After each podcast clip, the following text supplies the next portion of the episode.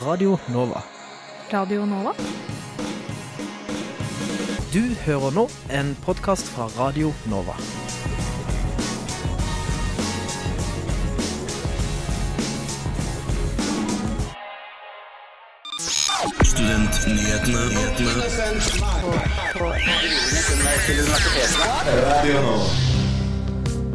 Føler du deg dårlig i sengen? Bli med på Nytfestivalen.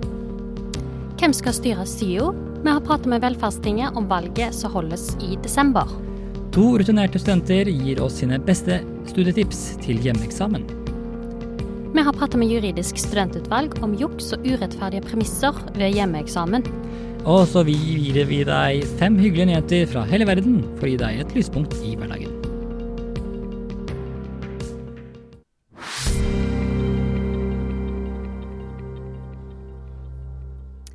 Og velkommen til Studentnyhetene her på Radio Nova. I dag ved Ingar Jakob Feiring og Helene Wilhelmsen. Vi sender hjemmefra, og denne sendingen ble tatt opp torsdag kveld. Vi har mange spennende saker til deg i dag, men først så kommer ukas nyhetsoppdatering.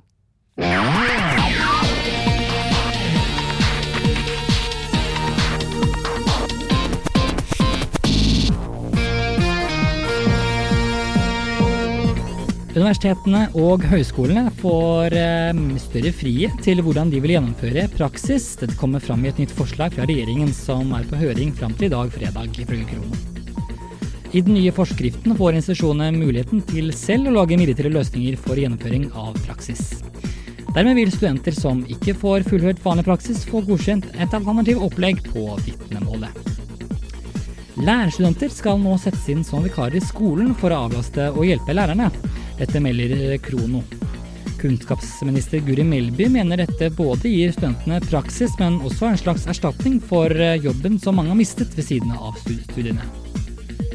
Utbyggingen av livsvitenskapsbygget til Universitetet i Oslo blir reddet av Oslo universitetssykehus. Dette ble klart tirsdag da Kunnskapsdepartementet og Helse- og omsorgsdepartementet sa ja til at sykehuset også flytter inn i bygget, ifølge Krono. Kostnadene for utbyggingen har økt som følge av krevende grunnforhold på tomten. Ifølge avtalen må UiO og Helse Sørøst-Norge selv finansiere sin egen del av bygget, og bruke ekstramidler fra egne budsjetter om bygningen går over dagens kostnadsramme. Halvparten av single studenter har ikke hatt sex siden koronapandemien startet i mars. Det kommer fram av en undersøkelse gjort av Sentio for Universitas. En av tre studenter sier de har hatt én eller to partnere i samme periode. Kun én av ti har hatt tre til fem sexpartnere.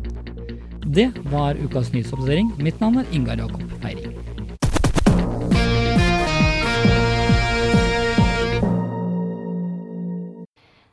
til 8. november så var det duka for NYT, nasjonal festival for positiv seksualitet, på Litteraturhuset.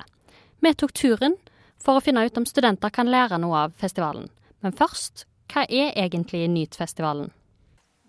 Jeg heter Kjersti Helgeland. Velkommen til Kåt og kåt fru Blom på Nytfestivalen 2020. Jeg skal først si at Nytfestivalen den er muliggjort i år. Vi har fått støtte fra Helsedirektoratet og stiftelsen Fritt Ord. Vi har en hovedsponsor som heter Handy, og vi er et festivalteam på åtte personer som har stått på for å lage denne her, sammen med masse frivillige og over 80 bidragsytere.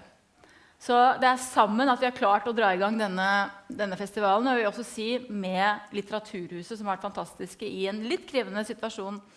For, det, på, eh, for du er også på en måte initiativtakeren til uh, Nytfestivalen. Og eh, altså, hvor lenge har du, har du, har du holdt på med Nytfest, Nytfestivalen?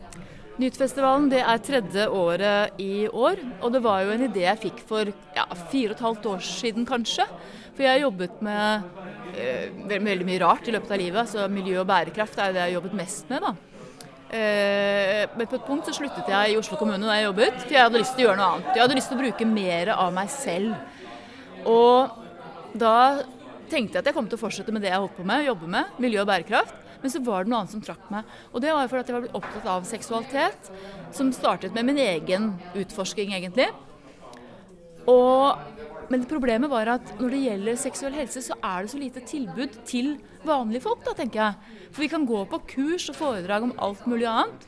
om matlaging og trening og, og liksom helse og sykdom og ting som har med, med, livet vårt å gjøre. Men seksualitet så er det ingenting. Så da var det mer sånn Jeg tenkte OK, men da må jeg skape det selv, da. Og så tenkte jeg at OK, jeg kan lage et sånt kveldsseminar for folk. Og så var det en venninne som sa ja, men lag en festival, da. Så tenkte jeg sånn hm. Tenkte på det et par dager siden. Jo, ja, men du, jeg lager en festival. Jeg har laget festival tidligere om eh, miljø og bærekraftig utvikling, om eh, økologisk landbruk, så hvorfor ikke om seksualitet? Det var starten på Nyttfestivalen. Hva har du lyst til at uh, deltakerne uh, skal sitte igjen med uh, når de har vært med på festivalen? Det jeg ønsker at folk skal sitte igjen med, er et, jeg kaller det et større seksuelt rom. Fordi at ofte når vi vokser opp, så, så blir vi skapt av samfunnet, og det seksuelle rommet vårt kan være ganske lite. Altså hva som er innafor, og hva som er OK, og hva jeg føler meg trygg med. Så målet mitt er at man skal føle seg ha et større seksuelt rom, se større muligheter, større rom for nytelse, mindre skam, mindre tabuer. Så man rett og slett øh, føler seg bedre, da, mer åpen, fri, bedre livskvalitet. Og kanskje særlig også at man tør å snakke litt mer om seksualitet med folk rundt seg, så vi kan spre disse gode vibbene videre. Der hørte du festivalsjef Kjersti Helgeland for Nytfestivalen. Men hva kan vi studenter lære av festivalen? Vi har jo vært på en festival, Torunn. Det har vi vært. Vi har vært på Nytfestivalen, som var på Litteraturhuset. Eh, og der var det mange fine foredrag som vi fikk høre på. Ja, vi får jo ikke tid til å snakke om alt. Nei, det får vi ikke tid til. Så vi har valgt å ta ut Eller som vi syns er viktig at folk har et litt bevisst forhold til. Så det som jeg føler kanskje er en grunnting man kan egentlig alle, spesielt unge voksne, kan begynne med, er rett og slett å trene seg opp på det å ha et språk for sin egen kropp. Og da kan du f.eks.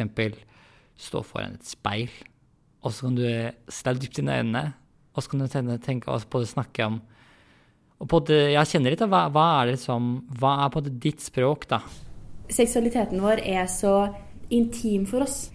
Og så er vi jo sånn til andre, da, så er vi jo veldig, vi er jo veldig redd for avvisning. Men vi må, lære, eh, vi må lære oss å tåle å få et nei når vi snakker om seksualitet. Eh, og at et nei er ikke nødvendigvis en avvisning av oss som menneske, men en avvisning på akkurat det man snakker om der og da.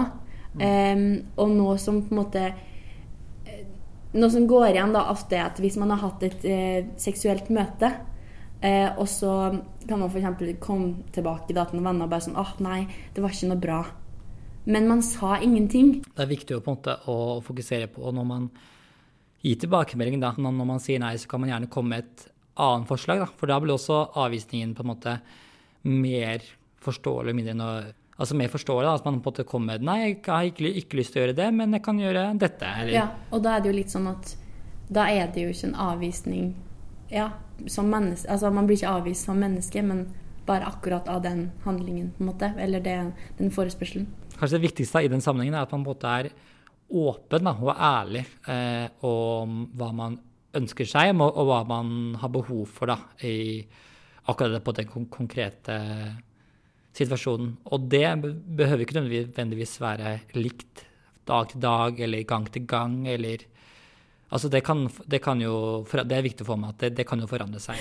Så jeg bare vil tilføye helt på slutten her, eh, og det er at eh, så eh, vil jeg bare si at onaner mer, folkens. Det er sunt for kropp og sjel.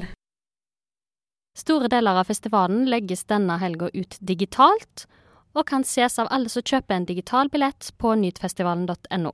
Det var Torunn Dønheim og Ingar Jakob Feiring som tok turen til Litteraturhuset. De aller fleste av oss studenter har jo heldigital studieopplegg for tiden, og skal ha hjemmeeksamen før jul. Vi har tatt en prat med to studenter som har mange gode tips til dere som prøver å strukturere en kanskje ustrukturert digital studiehverdag, og som også gir oss noen gode tips til hjemmeeksamen.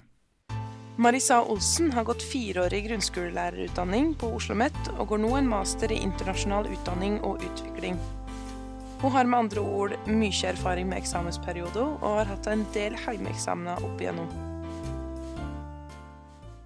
hvordan er det du strukturerer hverdagen for tida, nå i en eksamensperiode der det meste foregår eh, digitalt? Eh, nei, jeg, så, jeg, blir ikke så god på struktur før sånn uka før.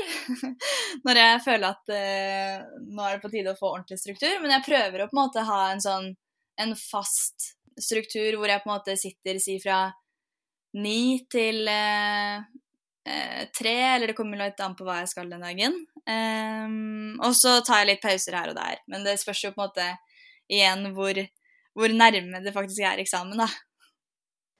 Nå som alt har blitt digitalt, så syns Marisa det er vanskeligere å holde konsentrasjon.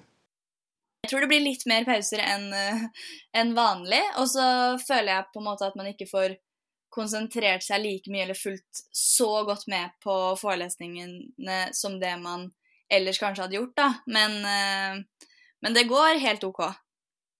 Men eh, har du noen tips til å holde konsentrasjonen? Um, ja, kanskje prøve å ha en fast struktur med tanke på sånn når man skal sette seg ned, og når man skal være ferdig.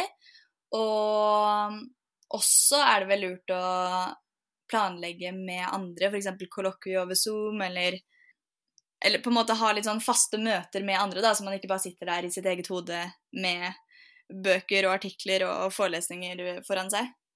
Og så er det viktig å unne seg noe godt, da.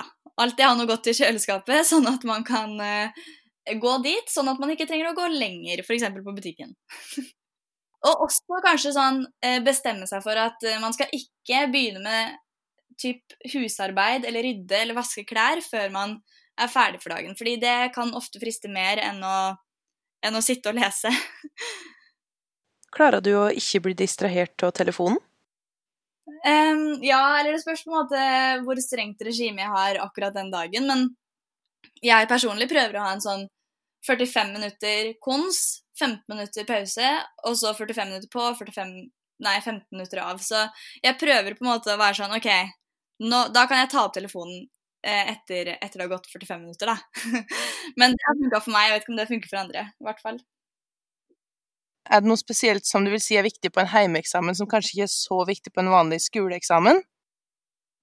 Ja, eller man har jo litt lengre tid på en hjemmeeksamen. Um, så man får enten mer tid til å på en måte gjøre det bra, eller bare rote seg bort fra Fordi man får altfor mye tid til å på en måte fundere over ting, da. Så Um, kanskje lese eksamensteksten og oppgava veldig nøye, sånn at man på en måte deler opp oppgava sånn at man forstår alle bitene.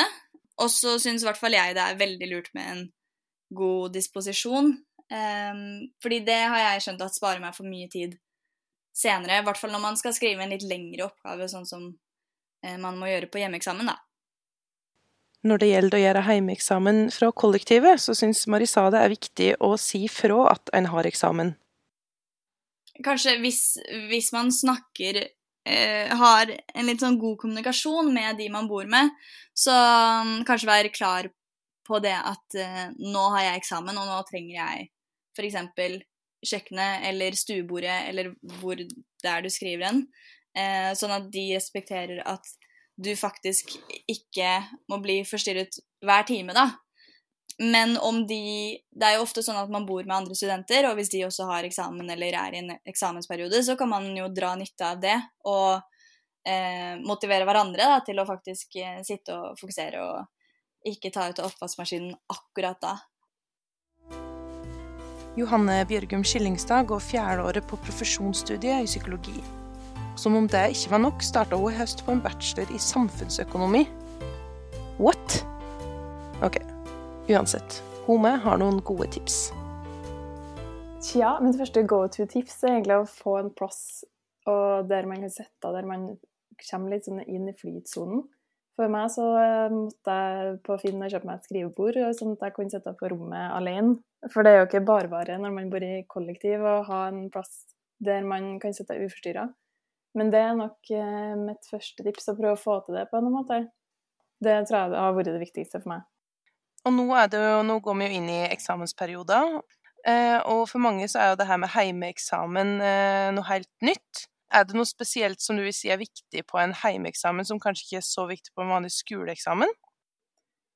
For min del så føler jeg jo kanskje at eh, det å ha hjemmeeksamen eh, blir litt mer low-key. Jeg stresser ikke veldig over det.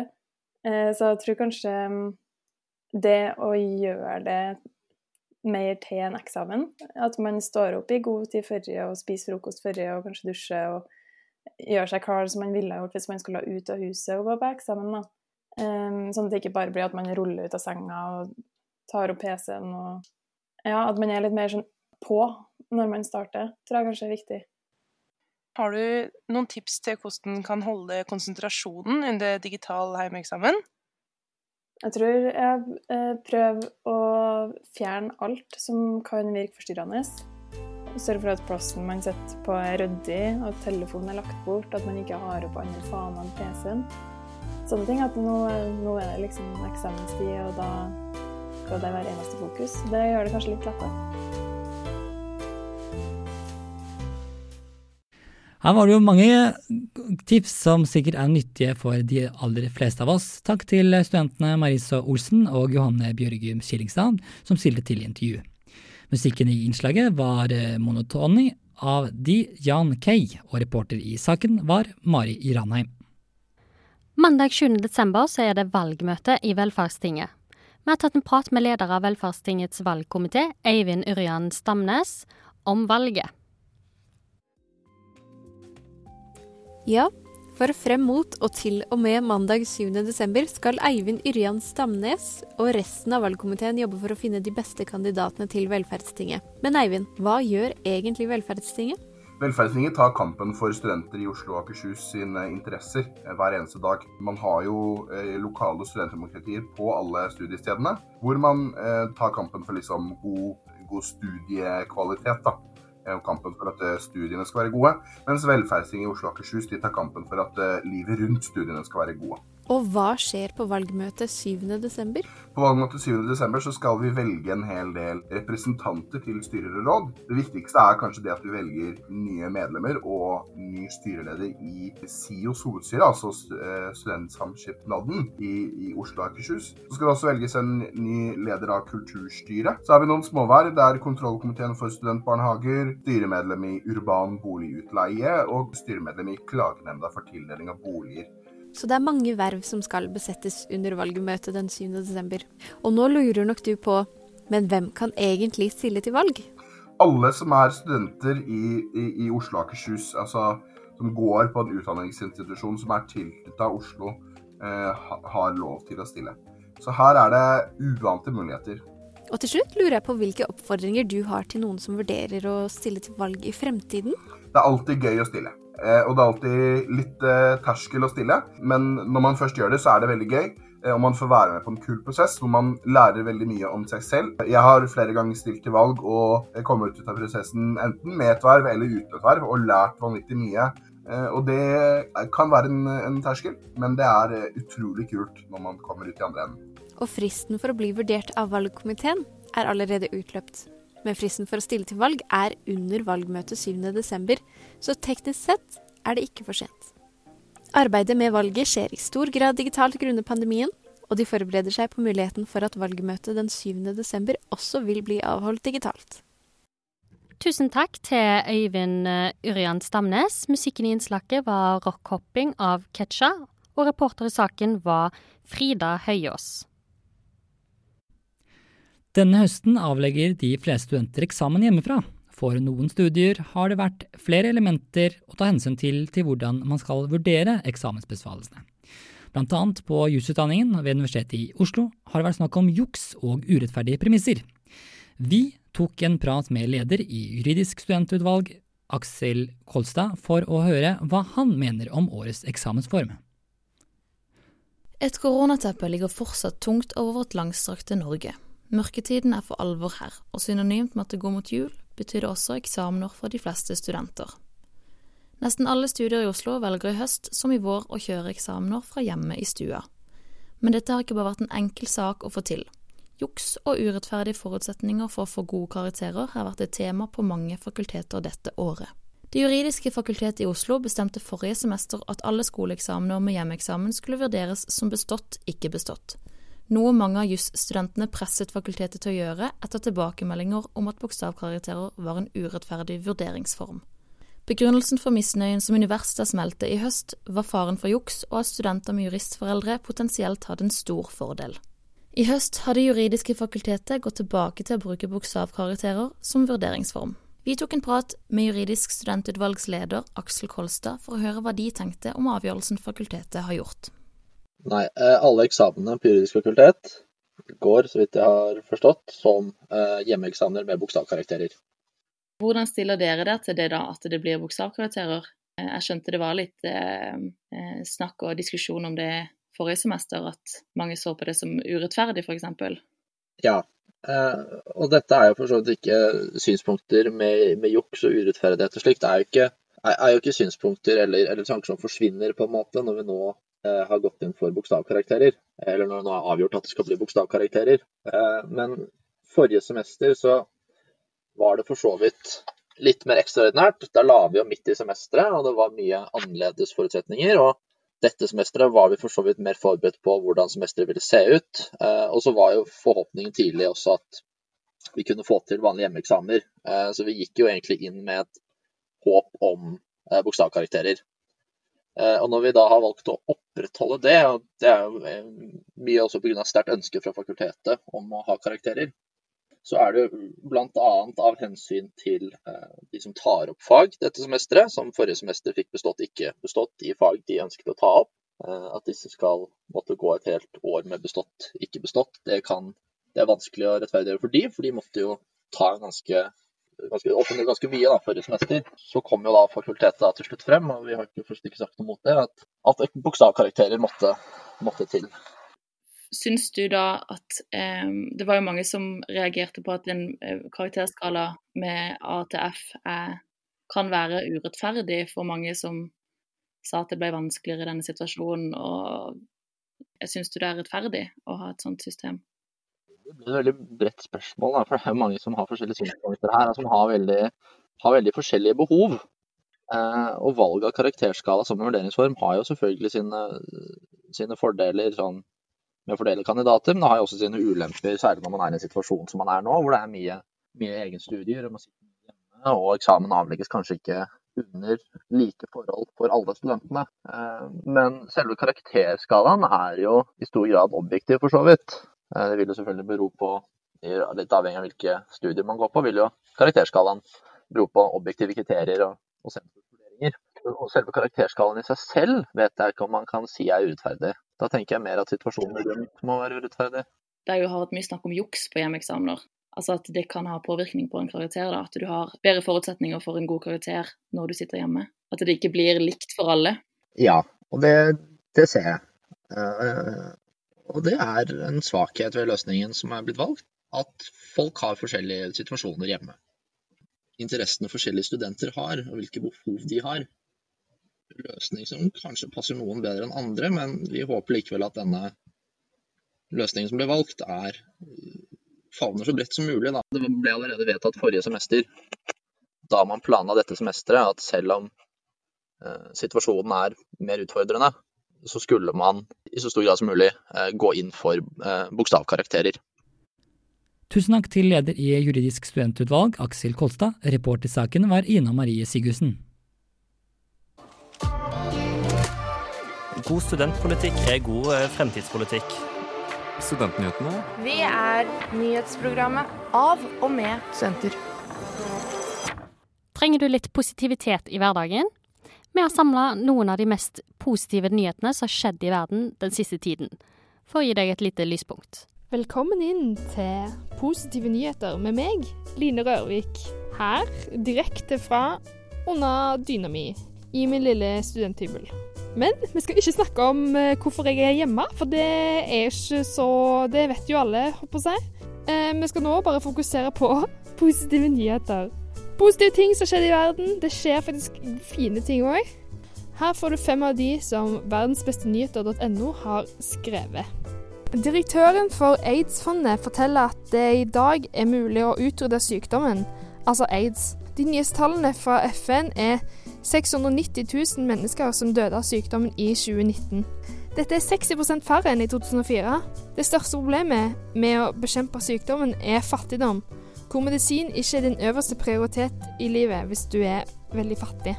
Men tallene viser oss at det likevel er en mulighet til å bekjempe sykdommen helt. Det foregår for tiden redningsaksjoner for verdens største korallrev. En av de verdens flotteste korallrev utenfor Jamaica har de siste årene blitt utsatt for klimaendringer og ekstremvær i lang tid, og 85% av revene forsvant. Nå har dette snudd, og lokale dykkere har hjulpet nyfødte koraller med å klare seg gjennom livets løp. De har bokstavelig talt flytta de over i såkalte coral nurseries, til de er sterke nok til å klare seg sjøl. Og det er så koselig. Flytende vindmøller viser seg til å bli en mulig veldig viktig energikilde for mange land. Portugal har vært det første landet som har prøvd dette siden juli i år. Og de har så langt fungert veldig bra, til mange andre europeiske lands begeistring. Pga. dyp havgrunn har vindmøller på havet lenge vært en altfor stor utfordring når man skal høste energi, men nå kan de flyte på egen hånd, og dette blir en helt ny mulighet. De blir òg bare billigere og billigere, og i Norge skal det komme en stor vindmøllepark som flyter i 2022. Kvinner i dag får færre barn enn tidligere. Dette gjelder over hele verden. Dette peker i en retning som kan vise veien til en verden uten overbefolkning. Nesten halvparten av verdens land har et reproduksjonstall på under 2,1 barn. 2,1 barn er antall barn man trenger for å holde befolkningen stabil på lang sikt. Vi har jo rett og slett ikke nok ressurser til alle hvis vi blir for mange. Så dette er supre nyheter. Klamydia-infeksjoner i øyet har tidligere ført til blindhet for millioner av mennesker. Og da snakker jeg ikke om kjønnssykdom klamydia, som vi kjenner best her hjemme, men bakterien bak sykdommen som sprer seg via fluer. Det er da fluene som infiserer øynene og kan danne arr og føre til permanent blindhet. I flere utviklingsland har dette vært et stort problem, men nå, etter flere år med målretta innsats, har mennesker som er i risiko for å miste synet, falt med 91% 13 land har helt eliminert sykdommen. Hygiene og adgang til vann og såpe er hovedstrategien i bekjempelsen, og har virkelig hjulpet mange millioner av mennesker. Så dette er virkelig positive nyheter. Det var de nyhetene jeg hadde for i dag. De beste nyhetene du har hørt på lenge, forhåpentligvis. Her direkte hjemme fra under dyna mi, for der er det best lyd. Så håper vi det blir flere gode nyheter i framtida. At det ikke slutter å komme. Så håper jeg ikke naboene mine hører meg. Takk for meg. Her var det mange hyggelige saker. Det er viktig å ikke glemme at det også skjer positive ting i verden. Reporter i saken var Line Rørvik. Og nå skal du få høre ukas, eller helgas, værmelding. Ja, i dag fredag så er det jo litt kjølig ute, men vi har heldigvis eh, et glimt av sol. Men eh, på lørdag så morgen så blir det regn ifølge Yr, men det blir varmere og lett overskyet om kvelden. På søndag derimot så blir det sol og fem grader eh, tidlig om morgenen, og så blir det overskyet på ettermiddagen og kvelden. Og det var værmeldingen ifølge yr.no. Vi nærmer oss eh, slutten på Studentnyhetene for i dag, og det betyr at det snart er helg. Skal du noe gøy i helga da, Ingar? Det blir nok en liten tur, eller det blir nok tur eh, utendørs i det, i det delvis fine været, i hvert fall. Eh, hva skal du da, Helene? Jeg har eksamen på tirsdag, så jeg må nok øve litt og gå en del tur. For det er gyldig prokastinering i min bok. Ja, det er jo viktig å gå litt tur. Slappe litt av. Veldig viktig. Men med det så er vi ferdig for i dag. Tusen takk for at du hørte på Studentnyhetene. Hør oss gjerne igjen på podkast, og følg oss på sosiale medier. Der heter vi Studentnyhetene. Og lytt videre her på Radio Nova, for etter så kommer radiotjenesten. Mitt navn er Helene Wilhelmsen, og med meg i studio i dag så har jeg hatt Ingar Jakob Feiring. Ha det bra, og god helg! Jeg gleder meg. Jeg skal tenne lys, kjøpe blomster til meg selv. Jeg skal ta med alle klærne. Har du vært på radio før, eller? Radio Radio Nova. Radio Nova. Vi er nyhetsprogrammet. Hei, hei. Jeg vil bare informere deg om at du hører på Radio Nova med Studentnyhetene. Hei, hei.